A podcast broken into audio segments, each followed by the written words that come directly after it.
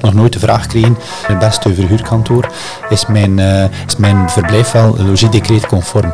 Nee, dat, is, ja. dat, is, de eerste keer, als er zo iemand binnenkomt die krijgt een fles champagne van mij, dat wordt niet gevraagd. Vastgoedpraat, de podcast van CB Vlaanderen.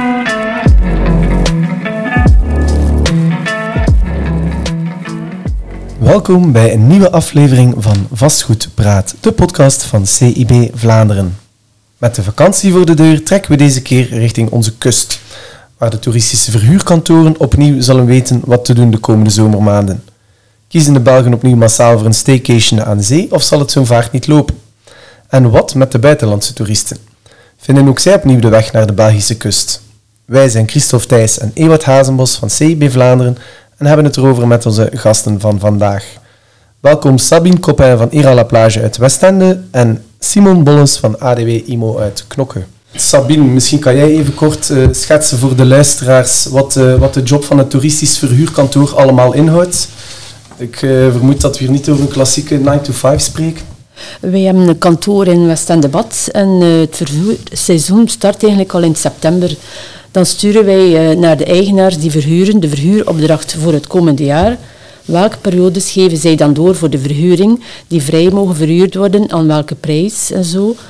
Uh, is er iets aan het uh, verblijf dat wijzigt, dan uh, bespreken wij dat samen met de eigenaar. De prijzen, te hoog, te weinig verhuurd, hoe komt het?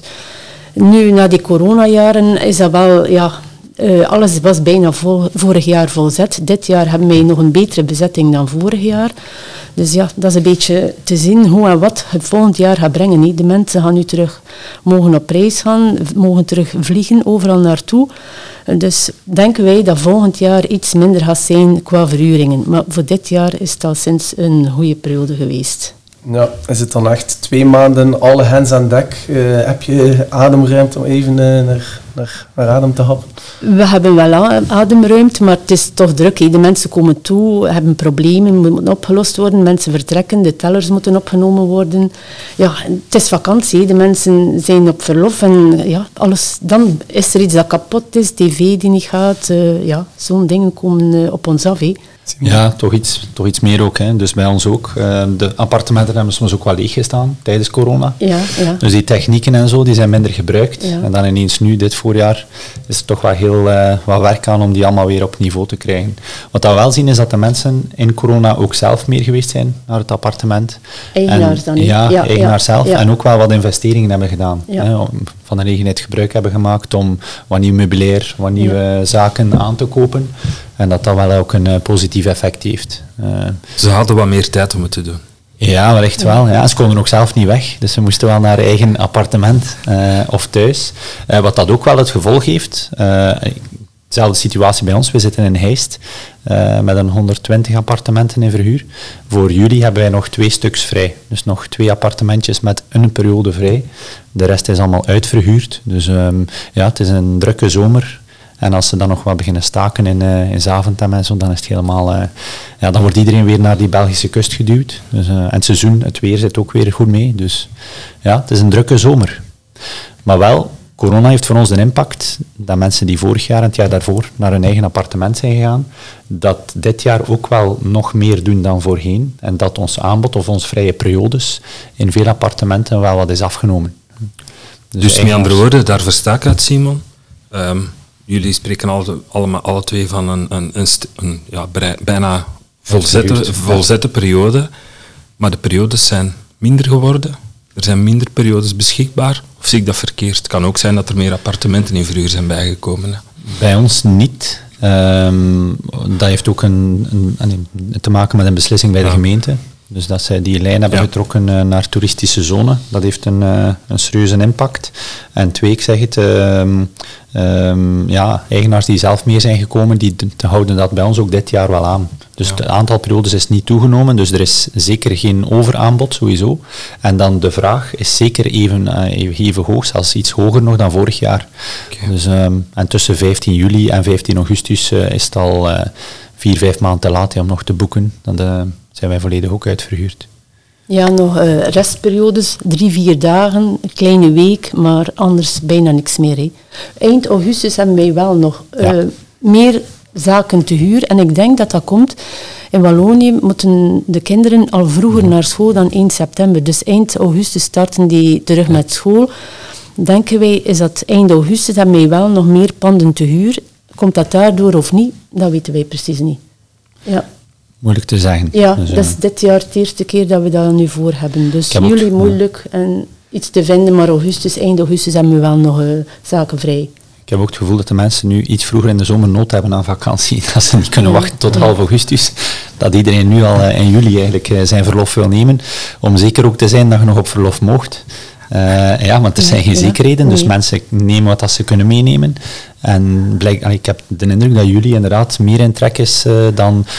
bij ons schoof het voor corona toch wel op, richting echt 15 juli tot 15 augustus. Ja. En zelfs de laatste jaren zelfs meer naar die tweede helft bij Ja. ons specifiek. Van 1 augustus tot 15, dat werd zo'n beetje de klassieke, ja, de, de, de chique verhuurperiode.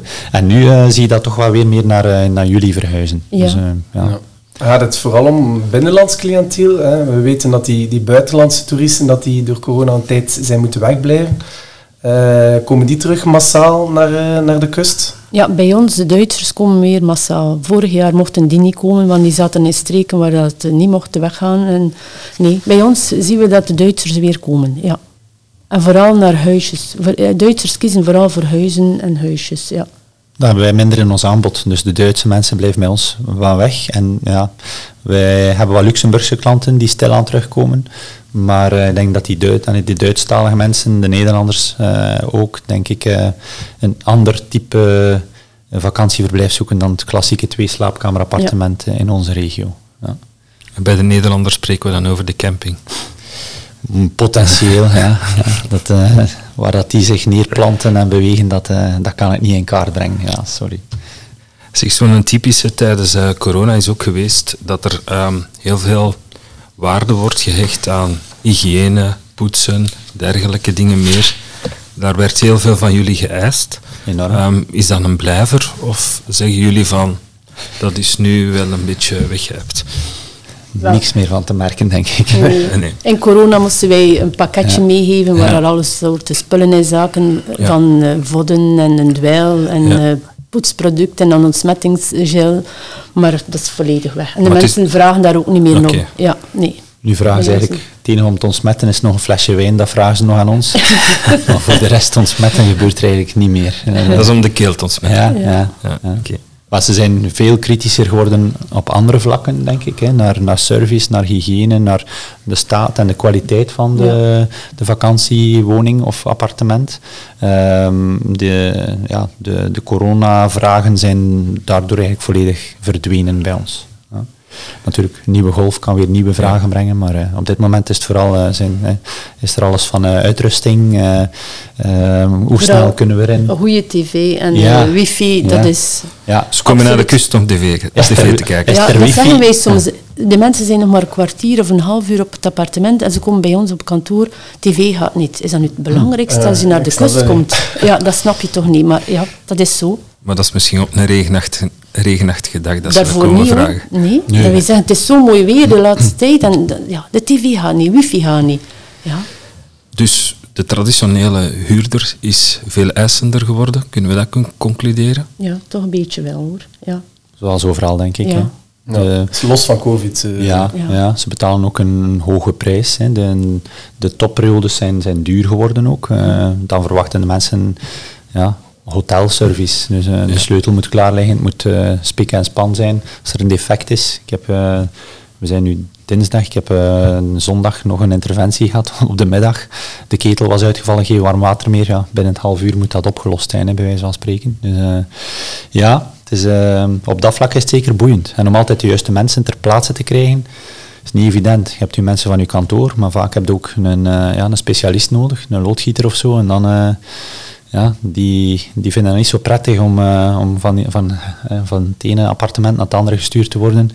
En Eh, vooral in het weekend. Hè. ja, het De mensen begrijpen dat niet altijd. Ik zeg dan bij je thuis kunt je toch ook niet iedere keer iemand vinden die direct de zaterdag of de zondag komt. Hè? Maar aan de kust moet dat precies, de mensen moeten klaarstaan. Dat heeft er waarschijnlijk mee te maken omdat ze maar een korte periode huren. Hè. Ze willen dan Ja. op dat moment echt wel een topservice. Ja, ja. dat kan. Ja, ja. Maar wij proberen, ja, we proberen. We hebben nog goede loodgieters en elektriciens die klaarstaan voor ons in het weekend. Dat we een keer mogen opbellen, maar eh, ja, dat wordt Zijn- moeilijker en moeilijker met de tijd. Zijn die bereid van Westende naar Heist te rijden als jullie klaar zijn? Of? Ik ga een keer eh, vragen. Ja, ja, nog ja. wel gebruiken. Als je ze vlot betaalt, komen ze wel Ja, vlugger, vind ja. ik. Ja, Ah. ja. Als je goede service aanbiedt aan hen, en ja, Het is moeilijk ook voor hen. Hè. ja. Het zijn korte interventies, Ja. het is telkens een aparte rekening, eh, je weet nooit waar dat aan begint. Eh, soms krijg je als een vakman ook de huurder eh, over je heen. Ik zit hier al twee uur zonder dit of dat. Dus eh, moeten ze goed soigneren. Want daar ligt ook een serieus eh, tekort. Hè. Die vakmannen, die klusjesmannen, dat, eh, dat is niet te onderschatten. En, eh, Nee. Poetsfirmans en zo is heel moeilijk te vinden. Ja. Dat was mijn volgende onderwerp. Ja, ja. vertel. ja, ja, Ja, ja. vertel. Ja, vertel. Schaarste in de ondersteunende diensten. Ah, ik, ja, ik ja. vraag me af hoe dat jullie dat eh, organiseren, Sabine, de opkeus. Is dat intern, extern? Wel, de mensen mogen daarvoor kiezen. hè. Ja, oké. Maar ja, mo- ja, ja. zelf keuzen of... Ze mogen zelf ja. keuzen. Wij gaan na, na, bij nazicht is niet proper, sturen wij je poetsfirma. Ja. Maar dat is niet altijd gemakkelijk te vinden. En vooral in het weekend is dat heel moeilijk geworden. Ja, Wel, wij proberen het, te ja, vinden voor dat te keuzen. Ja. wij proberen het heel fair te spelen en zo met de jaarwissel gaan wij gaan kijken, oké, ons seizoen, hoe ziet het eruit? Hoeveel poetsploegen hebben wij nodig? Ja. En dan gaan wij die aantal of misschien eentje extra aanschrijven en proberen afspraken te maken. En dan typisch, een week voor het seizoen, beginnen de, de, die firma's ons te bellen. Ja, het zullen toch geen drie ploegen zijn, het gaan er dit jaar maar twee zijn. En een ander, ja, ik heb gisteren toch iets in mijn rug gevoeld. Een week voor het congé gebeurt dat blijkbaar. En die rug die gaat niet mee willen ze tot, eh, tot in augustus. Het zal maar eh, om de twee weken zijn in plaats van eh, elke week. Dus ons schema begint volledig te kraken en je moet beginnen bijsturen. En nu nog mensen zoeken. Een week voor de start van eh, de grote eh, periode. Dus dat is, dat is een ramp. Hè. Dus, eh, ik ben aan het nadenken, terwijl dat ik hier ook zit, van, ja, moeten wij meer ploegen aanspreken in januari en zelf overschot creëren, om dan de selectie zelf te kunnen doen. Ja. Want nu worden wij geleefd door die firma's. Of gaan wij bindende contracten maken en met, met boeteclausules of zo werken? Want een week voor de start van uw grootste evenement van het jaar als kantoor, zo'n, eh, ja, dat is, dat is een ramp. Hè. Dus, Je gaat zelf de, de, de dweil nog ter hand moeten nemen, Simon. we, zijn, we zijn zover, hè. Dat is echt waar. Hè? Ja. Ja. we staan klaar. Hè? Dus, eh, ja, dat is een slecht scenario. Eh, maar ehm, het is, het is realistisch dat ja, een twee, drietal mensen van ons kantoor zelf als poetsploegen de baan op gaan mogen gaan. En dat daar de verkoopbureau of de syndiekbureau even gaat onbemand zijn. En zo komen we eigenlijk terug bij de, bij de eerste vraag waar we begonnen. Wat houdt dat eigenlijk allemaal in, vakantieverhuur? We zijn nu al gestrand op ja, zelf een appartement gaan poetsen. Eh, water bijsteken op de verwarming, eh, Ja. tv's depaneren, eh, massages uitdelen, handdoeken spreiden, eh, cocktails maken. Ja. Oké. Nee, je kunt zo dat bij ook die massages? Eh, nee, nee, nee. nee. Zover laten we het niet komen. Zeg nog een ander thema, het, het logiesdecreet. Toch niet onbelangrijk, eh, zeker aan de kust. Ehm, dat zou er moeten voor gezorgd hebben dat de kwaliteit van de vakantiewoningen ja, toch wel stevig opgekrikt is. Hebben jullie daar een impact van gevoeld? Merken jullie daar iets van? Ehm, zijn mensen daarmee bezig? Zijn jullie daarmee bezig? Wel, wij moeten daarmee bezig Ja, zijn. ja. want maar het is anders, moeilijk om iedereen over de brug te krijgen om alles in orde te krijgen. Ja. Ja, het waarom. Bij ons is het 60% al in orde, maar nog 40% ja, die blijft duren. Niet. Ja. En vooral in die brandweerende deuren is het heel moeilijk voor die binnen te krijgen. Niet. Ik weet niet, iedereen zegt Oekraïne, ja, de oorlog, ik weet niet wat dat is, maar een heel moeilijke aanvoer van brandweerende deuren, de prijs stijgt. Ja. Ja. Ja, maar zolang dat alles niet in orde is, kan de- het attest niet afgeleverd Nee. worden. Niet. Ja. Daar denk ik, we spreken over kwalitatieve woningen, maar als wij een logiedecreet kwalitatief spreken, dan spreken we over brandveilig, eh, Mhm. Ja. elektrisch in orde. Dat is niet de kwaliteit die de eigenaar of de huurder ziet. Hè. Die een huurder wil Mhm. eh, drie slaapkamers en wil een grote tv. Dus kwaliteit zit daar op een ander spoor. Ehm, plus, inderdaad, de investering voor de eigenaar is niet gering. Waardoor ook een aantal mensen afhaken. Hè. Dus een aantal mensen die zeggen, we zien dat niet zitten om eh, al die stappen te ondernemen. En nog erger vind ik, ehm, als je dan ziet eh, naar je seizoen toe, van wij, wij kunnen meer aanbod gebruiken. Ja, een maand, twee maanden op voorhand beginnen nieuwe appartementen zoeken. Dat heeft geen zin, hè. je krijgt die niet meer in orde eh, om aan dat seizoen te beginnen. En dat is een heel traject met uw brandweerende deur, uw keuringen, uw attest, tegen dat je dat helemaal doorlopen hebt, zijn, je makkelijk drie, vier maanden bezig. Ja, de kostprijs is toch een kleine duizend euro. hè? Ja, dus eigenlijk Ja. je eerste seizoen is al niet Ja. echt eh, rendabel. Ja, dus eh, het is natuurlijk wel allee, voor de toekomst een goede investering, maar ehm, allee, de, ik vind vooral de, de, de drempel om in te stappen in vakantieverhuur is zwaar verhoogd. Mhm. En mensen gaan, eh, zeker met oudere appartementen, gaan, gaan die kosten eigenlijk niet maken. En nog erger dan, hè, wij zeggen van wij kunnen niet verhuren zonder dat je in dat traject meestapt. Dan besluiten ook een deel daarvan, oké, maar dan gaan we zelf wel een oplossing zoeken via een website of via ja. een ander. Zelf verhuren. Ja, voilà. Dus eh, die blijven dan een beetje uit, het, ja, uit ons circuit. Ja, ook sommige appartementen kunnen niet verhuurd worden omdat Nee. er geen tweede vluchtweg is. Mhm. Als je appart- eh, een gebouw hebt waar dat er appartementen met zicht op zee zijn en aan de achterkant ook zijn, aan de achterkant kan er geen brandweerwagen bij. Die zitten ingesloten, die gebouwen, die, die mensen kunnen niet verhuren. Dus ja, dat is ook een streep eh, voor hen door de rekening eigenlijk. hè. Mhm. Liggen die eisen dan soms te hoog? Maar de eisen zijn Ja, denk ik ja. begrijp, Ja. allee, begrijpelijk. Ja. Hè. Ja. Eh, niemand wil in zijn appartement of gebouw een voorval of een, ja, een kortsluiting met brand tot gevolg. Dus dat is goed dat dat wordt bijgehouden. Ja, maar soms een beetje te streng vinden wij. Ja, Ja. Soms, bijvoorbeeld met de negende en tiende verdieping. Als de brandweerwagen daar niet aankomt, dat is, ja, de ene keurder keurt dat dan goed, de andere niet. En allee, in hetzelfde gebouw. Het is niet altijd logisch, vinden wij. Wel, het is ook niet logisch dat iemand die verhuurt eh, wel al die regels moet volgen, maar de eigenaar daarnaast die niet verhuurt, mag de helft van die regels aan zijn laars lappen. Ja, de, Of die privé verhuurd, hè? Ja, voilà, ja. voilà. Of Die worden niet gecontroleerd, hè? Ja. Als de brand daarnaast ontstaat, heeft hij een van zijn vakantieverhuur even goed een probleem. Ja, dus die maten en gewichten liggen niet altijd in dezelfde lijn. Het is een begrijpelijke regel, maar het heeft wel eh, heel wat werk veroorzaakt ja. En, en het aanbod Nog, toch hè, ja, ja. wat Het afgesneld. aanbod, ja, een beetje minder aanbod daardoor Ja. toch, hè? Ja. En die huurder ligt daar. Mijn, ik heb nog nooit de vraag gekregen, beste, verhuur, eh, beste verhuurkantoor, is mijn, eh, is mijn verblijf wel logiedecreet conform? Nee, dat, is, ja. dat is de eerste keer, als er zo iemand binnenkomt, die krijgt een fles champagne van mij, dat wordt niet gevraagd. Nee? Kom binnenkort bij jou op kantoor. Maar uw gezicht ken ik intussen.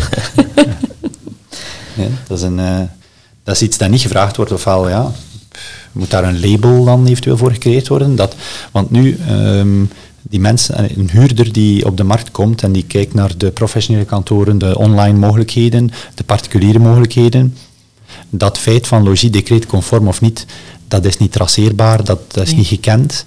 Dus daar houdt die huurder ook geen rekening mee. Prijs, kwaliteit, maar dan in de andere zin van kwaliteit. Ehm, en locatie en zo speelt wel mee. Maar dat laatste aspect van dat decreet, dat, dat leeft niet bij die huurder. Oké. Nu, eh, zoals in alle sectoren zorgen die hoge energiekosten ook eh, bij de toeristische verhuurkantoren vermoedelijk voor de nodige kopzorgen. Eh traditiegetrouw worden die energiekosten dus ofwel eh, aangerekend op basis van de opname van de tellers, ofwel door middel van een forfaitair bedrag. Eh, is die werkwijze met forfaits nog haalbaar, opportun? Eh, hoe pakken jullie dit aan? Wij werken nog altijd zo. Wij ook, ja. Ja. Dus met een waarborg en dan tijdens Ja. van de rit gaan we de tellerstanden verrekenen. Maar natuurlijk, die eenheidsprijs is enorm toegenomen. Hè. Dus een kilowattuur eh, van vorig jaar en nu, eh, het is maal 2, maal 2,5. Maar Dus, eh, elektriciteit valt nog mee, maar ja, het is vooral in de gas. Hè. Ja. En te zien welk contract, de mensen zitten allemaal bij een verschillende leverancier. Eh, contracten zijn allemaal verschillend, het is moeilijk. Allee, ja. Gemiddeld, Ja, nu natu- wij natuurlijk, het verbruik in de zomermaanden zal wel wat, lager, zal wel ja. wat meevallen. Ja, hè. ja, Ja, ja. maar daar ook, en ook de prijs. Hè. Dus Ja. we hebben veel van die vragen gehad in het voorjaar. Toen Ja. de prijs stijgend was. Mhm. Welke, welke eenheidsprijs hanteert u als kantoor? En daar zijn wij meegegaan met de markt. Hè. Je gaat Ja. op energie vergelijken of zo gaan kijken, dan neemt je een gemiddelde marktprijs. Want je wilt uw eigenaar ook niet te veel in de problemen brengen hè, door die, eh, Nee. de eindafrekening die wel bij hem terechtkomt. Ehm, en daar weegt het de component gas en elektriciteit ten opzichte van de huurprijs veel zwaarder door. In de periodes maart, april, mei Ja. Betaalt je- winterverhuring. Ja, ja, Ja, voilà. ja, en ja. daar was dat echt wel pijnlijk. Dat soms verbruik, eh, ja, ik kan niet zeggen hoger, maar toch een enorm eh, aandeel was van de eindfactuur van eh, de huurperiode. Nu ligt dat wel lager. Hè. De, Ja. de zomer is, is duurder in, in huur. Wat dat wij wel gedaan hebben, is onze, onze eh, poetsdiensten uit die waarborg gehaald. Dus wij, wij, vroeger gingen wij ook het poetsen mee in die waarborg afrekenen. Maar wij zien dat die waarborg nu niet meer volstaat. En dat wij dus de mensen op voorhand vragen van, gaat u zeker poetsen? Oké, dan ga je al een, een extra surplus voor dat poetsen apart betalen. Om die waarborg toch allee, toereikend te maken om de, de eindafrekening te maken en dat je niet achteraf nog extra centen moet vragen aan die huurder. Want dan kom je natuurlijk in het probleem. Maar wij doen dat in de winter vragen wij meer waarborg. Vooral die elektrisch uh, verhuurde appartementen. Ja, die kunnen, allee, dat is, ja. Dat zijn stevige duur, kosten. Duur, ja. duur, duur geworden. Maar je moet creatief zijn met je, ja, uw, uw waarborg Ja, en de manier waarop ja. dat je het afrekent en zo. Ja. Ja, ja het, is, het is ook, het is, zoals dat je zegt, verschillende eigenaars hebben verschillende type contracten. Sommigen hebben nog een vaste prijs hè, van Ja. eh, Zit 30, nog 35 ja, cent. ja, ja, er zijn nog er goed, nog, hè. ja. maar daar rekenen wij ook 70, 75, 80 cent per kilowattuur aan. Je kunt niet elk contract en elk appartement Nee. afzonderlijk gaan bekijken. Hè. Dus je moet daar een beetje ja, de, de gulden middenweg zoeken Ja. en hopen dat die huurder dat accepteert en die afrekening aanvaardt en dat daar, eh, ja, je moet het Ja, doen wij met- zetten wel vooraf, het is een elektrisch verhu ja, dat wel, verhuurd appartement, let er niet op. Eh, Ja. Je verbruiken, als je er niet bent, zet alles af. Ja. Ja. Ik ga even een, een, een zijpadje bewandelen, met name het, het, het beleggen in tweede verblijven. Ehm, wij horen alleen maar geluiden dat die interesse booming is en booming blijft. Dat zijpelt door tot hier, ja. Ja. Dat zijpelt zelfs door tot hier. ja. Tot hier, amai. ja. ja. Dat maakt dat die markt... Maar wij nog- lezen, wij lezen ook kranten. Hè, Simon. oké. Nee, maar het is een feit, hè. Ja, ja, ja. De laatste twee jaar... Na corona dachten wij dat alles, ja, de markt ging in elkaar steken, maar dat is niets van nee, juist omgekeerd. hè. Nee, ze doen hun best nu hè, met Ja. de, de stijging van de rentes en de Ja. markt wat eh, af te koelen. eh, in de hoop dat ook die prijzen ga- gaan ja, een stukje stabiliseren. Maar er is geen aanbod, dus de mensen zijn nog altijd zo op zoek naar de, die, dat mooie recente appartement, liefst nog met zeezicht. Ja. Ehm, ja, en die zijn nog altijd eh, niet Die gaan of- vlotjes aan de hand. Ja, Natuurlijk speelt ja. rente een, een rol in, in, in het beleggen in tweede verblijf, want wij horen heel vaak dat de centjes van de spaarboek komen. Hè. Dan heeft rente Ja, Ja, maar een heel geringe impact. Ja, ja, maar waar dat er twee jaar lang de, de enorme drang is geweest om die centen zeker van de spaarboek te halen, begint dat nu toch wel iets eh, te verkalmen. Hè. Ook Ja. daar zijn er signalen dat dat toch hè, niet alleen in vastgoed terug opbrengt, maar ook op andere manieren. Ehm, en voor het eerst, hè, dat niet iedereen heeft zo'n spaarboek staan, en zeker in onze regio. Eh, een appartement klassiek, ja, onder de 500.000 euro heb je niet veel. Eh, dus een financiering is, is dikwijls toch nog minstens deels aan de orde. En de banken zijn daar toch weer een factor geworden. Hè, waar Ja. dat een lening de laatste tijd eh, een, een formaliteit was, hè, die, die voorwaarde van het bekomen van een lening, begint dat nu toch wel weer eh, iets eh, spannender te worden. Hè. ja, moeilijker. Ja. Ja. Maar alles, allee, bij ons had nog altijd heel vlot van de hand. Alle appartementen op de dijk toch? Ja, ik zou er Ja. graag nog twintig bij hebben. eh, ja, ja. ja. Alhoewel, wij hebben een, allee, ons aanbod groeit. Ja? In vergelijking met vorig jaar, vorig jaar hadden wij, allee, was bijna uitverkocht bijna, maar nu krijgen we toch wel... Dan moet ik eens met een verkoop spreken, want eh, daar... ja, maar wij zitten in een goedkoper segment of jullie. hè. Zijn dat Ja. twee totaal verschillende markten dan? Ja. Knokken, Westende? Sowieso. Ja, ja, ja, sowieso. Ja, Ja. Ik denk dat dat zo wat de duurste En de goedkoopste. en de goedkoopste is. Alhoewel dat in. Westende ze stevig aan het stijgen zijn, de prijzen. Hè. Maar ja, wat dat er in de media gekomen is, dat waren een paar nieuwbouwprojecten op de Ja. dijk. Ja, Ik en denk- die drukken. En die hebben natuurlijk de prijs omhoog Ja. gebracht. En ik denk volgend jaar dat die prijs terug naar beneden gaat zijn, die gemiddelde prijs. Ja, want nieuwbouw op de dijk is er voor het ogenblik niet meer. Alles is de laatste twee, drie jaar verkocht. Dus Dus voor de luisteraars, Westende wordt opnieuw betaalbaar. eh, ja, ja, ja. Ik geloof er niks Ja. van. Ja, ja, ja. Maar de dijk gaat altijd de dijk blijven en de mensen zitten daar graag. In vakantieverhuring is dat ook zo. 90% wil op de dijk zitten bij ons, toch? Minstens 90 procent. Ja. Ja. Ja. Ja. Ja, dat, is- dat interesseert mij ook wel. Dus we- een belegger die investeert in een tweede verblijf, ja, wat is het percentage dat uiteindelijk ook aan vakantieverhuur gaat doen? Of In- kiezen de meesten voor eigen gebruik? Want daar, In nieuwbouw doet niemand eh, aan vakantieverhuur. In Heel onze, weinig, ja. Ja. ja. De eerste jaren blijft dat binnen het gezin of binnen de familie Ja. en wordt dat zelf bewoond. ja, Ehm, ik denk dat ons recente, of recentste appartementen misschien een jaar of drie à vijf oud zijn, maar een echte nieuwbouw die vorig jaar is gezet, die wij dit jaar in vakantieverhuur hebben, dat bestaat bijna niet, denk ik. Ja, wij hebben ook een nieuwbouw en vorig jaar, ja, twee zitten er in vakantieverhuring. Ja, Ja. ja. Dus het is pas na x aantal Ja, jaar. ja, hè. ja. Of een, of een ehm, herverkoop, dus een appartement dat wordt aangekocht eh, ehm, van x aantal jaar oud. Daar eh, gaan de mensen al sneller eens nadenken van oké, hoe kunnen we minstens onze syndickosten en onze vaste Ja. kosten gaan recupereren en toch nog een aantal perioden zelf gaan. Die balans. Eh, En dan zijn er ook, we hebben klanten die eh, jaar na jaar een appartement bijkopen als het ware en dat eh, volledig in, in, ja, in een verhuur of vakantieverhuur steken, puur als, als investering. De meerwaarde in het pand zelf, plus dan de inkomsten van de verhuur. die twee combineren om eigenlijk een mooie, ja, een mooi rendement te halen. Hè. En als jullie kiezen voor, allee, of als die klant kiest voor vakantieverhuur, het boeit mij wel, hoe bepaal je dan de prijs? Hoe wordt dat, wordt dat in samenspraak met de eigenaar besproken? Doen jullie een suggestie als eh, kantoor? Ja. Beroepsgeheim. hè.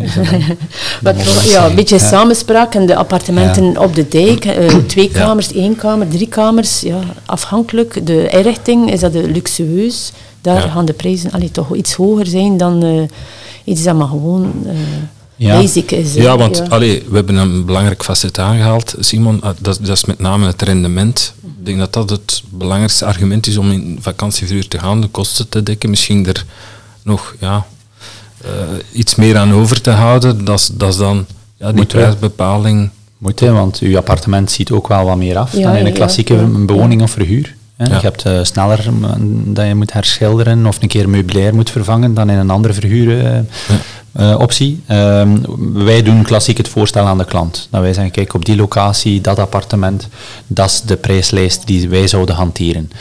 Maar daar, de laatste twee, drie jaar, hebben we toch vaker discussie dan vroeger. Vroeger werd dat aanvaard, bij wijze van spreken, door de klant, of toch vrij makkelijk aanvaard, met hier en daar nog een kleine aanpassing. Maar nu is dikwijls het antwoord van, ja, maar ja, we hebben twee jaar geleden eh 700.000 euro betaald eh, voor het appartement. Met die prijzen halen wij daar geen eh, deftig rendement uit. Dus die huurprijs moet omhoog. En de klant ja, bepaalt uiteindelijk de, de verhuurprijs. Dus dan ga je daar als kantoor in mee, maar wel met ja, de, de opmerking van kijk, het zou kunnen dat bepaalde periode, periodes niet verhuurd geraken. En dat je dan misschien last minute nog iets van je prijs moet doen, of dat je moet bijsturen, of dat totaal blijft leegstaan in een bepaalde periode. Maar daar is nu eigenlijk geen sprake van. Hè. Refererend naar wat we in het begin verteld hebben, dat alles vlot eh verhuurd Deze zomer niet. Ja. Nee. Maar waar ligt die limiet? Hè? Een keer dat je over de limiet gaat, Ja. Ja, is Ja. moeilijker. Hè? is je pand ook een stukje verbrand voor het seizoen. Ja. En dan heb je, heb je ineens ja, een pand dat daar staat. En ja, dan is het een boze eigenaar, want ja, er is geen verhuur. En dan, dan zitten wij met die prijs. En dan, ja, dan begint de onderhandeling om dat toch nog recht te trekken. Of met last minutes of met advertenties te werken. Maar eh, Ja. dat is niet altijd makkelijk. Ik hoor bijvoorbeeld in Nederland ehm, eh, is het systeem zo dat het kantoor het pand binnenhaalt en zij eh, bepalen eigenlijk zo goed als alles. Hè. Dus zij gaan de prijs zetten, zij gaan de publiciteit voeren en die eigenaar heeft gewoon zijn rendement. En zijn inkomsten en that's it. Bij ons is dat veel meer een spel van mandaten elke Ja. keer, die prijzen, die periodes vastleggen. In België is dat echt eh, ja, een, een, een circus van, van organisatie. Eh, terwijl in Nederland is dat één keer tekenen en je zit weer een jaar verder en die makelaar of dat, kan, dat, ver- dat verhuurkantoor trekt zijn plan met eh, zijn panden. Jij zou zelf ook liever Ja, ik ben wel Nederlands van, systeem, ja, van het eh, Nederlands kiezen. model op dat Ja. vlak. Ja, Ja. ja, ja. Wat dan natuurlijk ook wel heel veel verantwoordelijkheid bij dat kantoor eh, eh, plaatst. Hè. Als dat ja, dan, dan, niet goed als, de prijzen, als je zelf de prijzen gezet hebt, is het dan ook wel gemakkelijker hè, om te verhuren. Als het te Ja. hoog staat, is het moeilijker. Ja. hè. En dan is het aan de klant om af te wegen van oké, haal ik bij kantoor X voldoende rendement, zo niet ga ik naar kantoor Y, dan gaat het puur daarover. Maar de organisatie en de periodes en zo, eigenlijk staat uw appartement in Nederland, als ik het juist begrijp, of uw, uw vakantiewoning, af aan de organisatie en zij eh, regelen dat volledig. Ja. Dus eh, dat vind ik een beter uitgangspunt dan ons systeem van als kantoor mocht je niks, tenzij dat die eigenaar het u toelaat. Zowel naar periode als naar prijs, als naar ja, papierwerk, contracten, eh, is het een beetje een omgekeerde wereld bij ons. Misschien ga ik nu een vraag stellen ehm, die ook wel wat onder het beroepsgeheim valt, maar ik ga ze toch stellen. Ehm, vakantieverhuur, is dat voor jullie nog lucratief?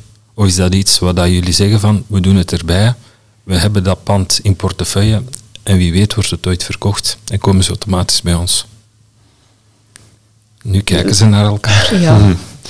Wij verdienen nog altijd goed ons brood, anders zouden we het niet mee doen. Nee. Maar ja, je hebt je mensen van in de Sandik komen er dikwijls appartementen binnen voor de vakantieverhuring. En Ja. zo, soms als ze dan terug verkopen, denken ze terug aan je ja. Het is een vicieuze ja. cirkel dan, Ja, bij ja, wijze van toch een beetje. Ja, ja, ja. ja, ja, Als die cirkel blijft draaien, is Ja. het allemaal rendabel Ja. en, en wordt alles mee betaald. Eh, Maar we krijgen toch een beetje concurrentie van Airbnb en zo. Die, Dat komt een beetje Ja. op, maar ja. Mensen komen er ook al van terug bij ons. Die Ook? zeggen, wij gaan terug met jullie verhuren. ja, ja, ook. Hè, dat is, ja, het is interessant, maar je hebt ook meer alles zelf op te volgen. Hè. Ja, ja. Ja, lijkt mij inderdaad voor de eigenaar veel intensiever dan... eh, Absoluut. Ja, want dan komen ze soms bij ons, dat ze gehuurd hebben via Airbnb en het is iets stuk en de eigenaar heeft gezegd, het moet maar naar de agence gaan. Ja, en wij ja. mogen het dan oplossen, maar ze hebben het zelf verhuurd. Ja. Zo werkt Zo het werkt het helaas. niet. Nee, zo werkt het in feite niet. Nee, maar dit, ehm, eh, de vraag eh, is terecht. Het is niet de meest eh, lucratieve business eh, op de zeedijk of, of de, de, de, ook stressgehalte in, in die job ligt veel hoger dan in de verhuursector, zelfs vind ik dan in de syndieksector. De syndiekmarkt weet je ook waar je aan toe bent. Je kent je jaarplanning, je weet ongeveer, van elke, elke maand gaan er zoveel liften kapot en zoveel eh, eh, interventies en zoveel eh, klachten over een poetsploeg. Maar in vakantieverhuur is dat telkens die piek naar de zomer toe.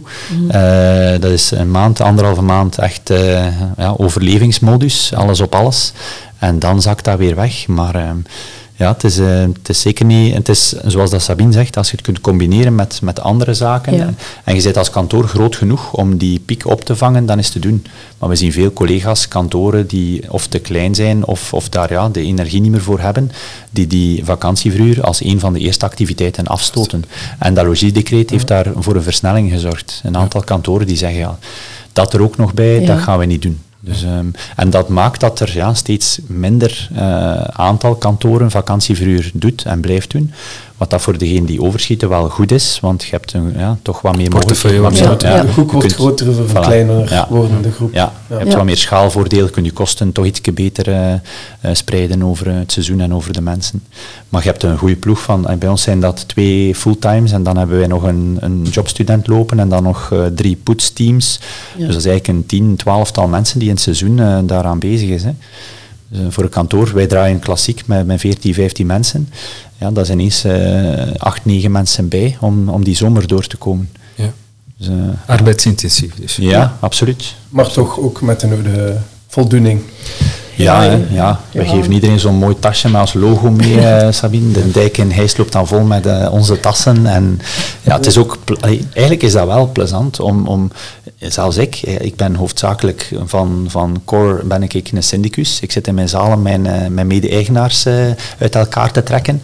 Maar in die zomer loopt je een keer op de dijk, ga je daar een, boiler gaan in gang steken, een tv weer aan de praat krijgen. Eh, met de mensen, eh, ja, in een vergadering geef ik niet in mijn short, maar die dagen loop ik in mijn short ook rond op de dijk met een, een sleutelanger eh, of een, eh, een schroevendraaier in mijn achterzak en, eh, en een petje eh, van, eh, van Vaillant op mijn hoofd. en ja, goed, het is, het is heel wat anders. Dus dat is wel plezant.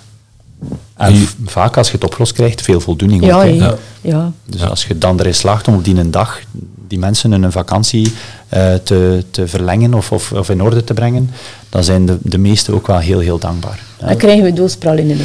Dat moet wel een keer stoppen, eh, Sabine. Ja. Ja, eh, Als ik een tip... Le- liever een fruitmand. Ja, een beetje variatie. Je Ja. spreekt onder elkaar af, een fruitmand, een flesje wijn en een maar als je maar genoeg in de bureau zit, is dat vlug op. Ja, maar ik maak mij zorgen over ons, over ons collega's. eh, De eerste die diabetes gaat krijgen. Ja, ja. het is toch... Ja. De salinen zijn, zijn oververtegenwoordigd. Ja. Zo de, de 31ste augustus, de laatste dag van het seizoen dan. Is dat een bepaald ritueel dat jullie hebben? Of eh, trekken jullie eh, met de ploegen een eh, fles champagne open? Of, eh, Wij, eh, bij, Nee, nee. Ja, bij het begin van het seizoen gaan we meestal nog eens goed samen gaan eten, dat we er tegen kunnen. En een glas drinken om, eh, om te zeggen, oké, nu kunnen we het seizoen in. En aan het eind van het seizoen, als het goed weer is bij ons, gaan wij sowieso wel een keer na een, een dag of op de middag een keer het strand of, Gaan of, iets gaan ja. eten. Eh, in september doen we wel een keer een, een nabespreking. Maar we zijn eigenlijk al blij als alles goed verlopen ja, is. als ja. alles goed verlopen is, Ja. kan ik eens zeggen, we gaan een keer iets gaan eten. ja, ja. Het is niet dat, Dat wij, lukt wel. dat wij een echt een reden nodig hebben om een glas Nee, te drinken. nee, is nee, Sabine. nee, nee, nee, nee, nee. Zeg maar, Dat gebeurt vanzelf eens. hebben jullie zo nog als afsluiter een, een leuke anekdo- anekdote te vertellen rond vakantieverhuur? Zoiets wat jullie te binnen schiet van, ja, dat gaat mij eeuwig bijblijven. En wij, wij hebben nu overlaatst een uh, vakantiehuurder gehad die voor ons een schilderijtje gemaakt heeft. Voor, uh, op, ja, ik heb een fotootje mee. Staat erop, uh, Era la plage, van harte welkom. Met de zee in de achtergrond. Echt een toffe aanbieding. Ja. Oké, geen pralinen dus. Ja, dat is, dat is origineel. ja, dat is heel origineel. Ja, dat we nu dit jaar dat gekregen hebben. Dank u wel aan die huurder. Ik schaam me nu al voor mijn anekdote. uh, ik was het helaas niet zelf eens uh, bij, een, bij een huurder moeten langsgaan. Uh, klassiek, de tv gaat niet meer aan. Dat is een groot probleem. Ik zit hier al heel de avond en krijg dat toestel niet meer aan de praat. Mijn collega was zoeken en oké, okay, er zat een dvd-speler op aangesloten en van alles.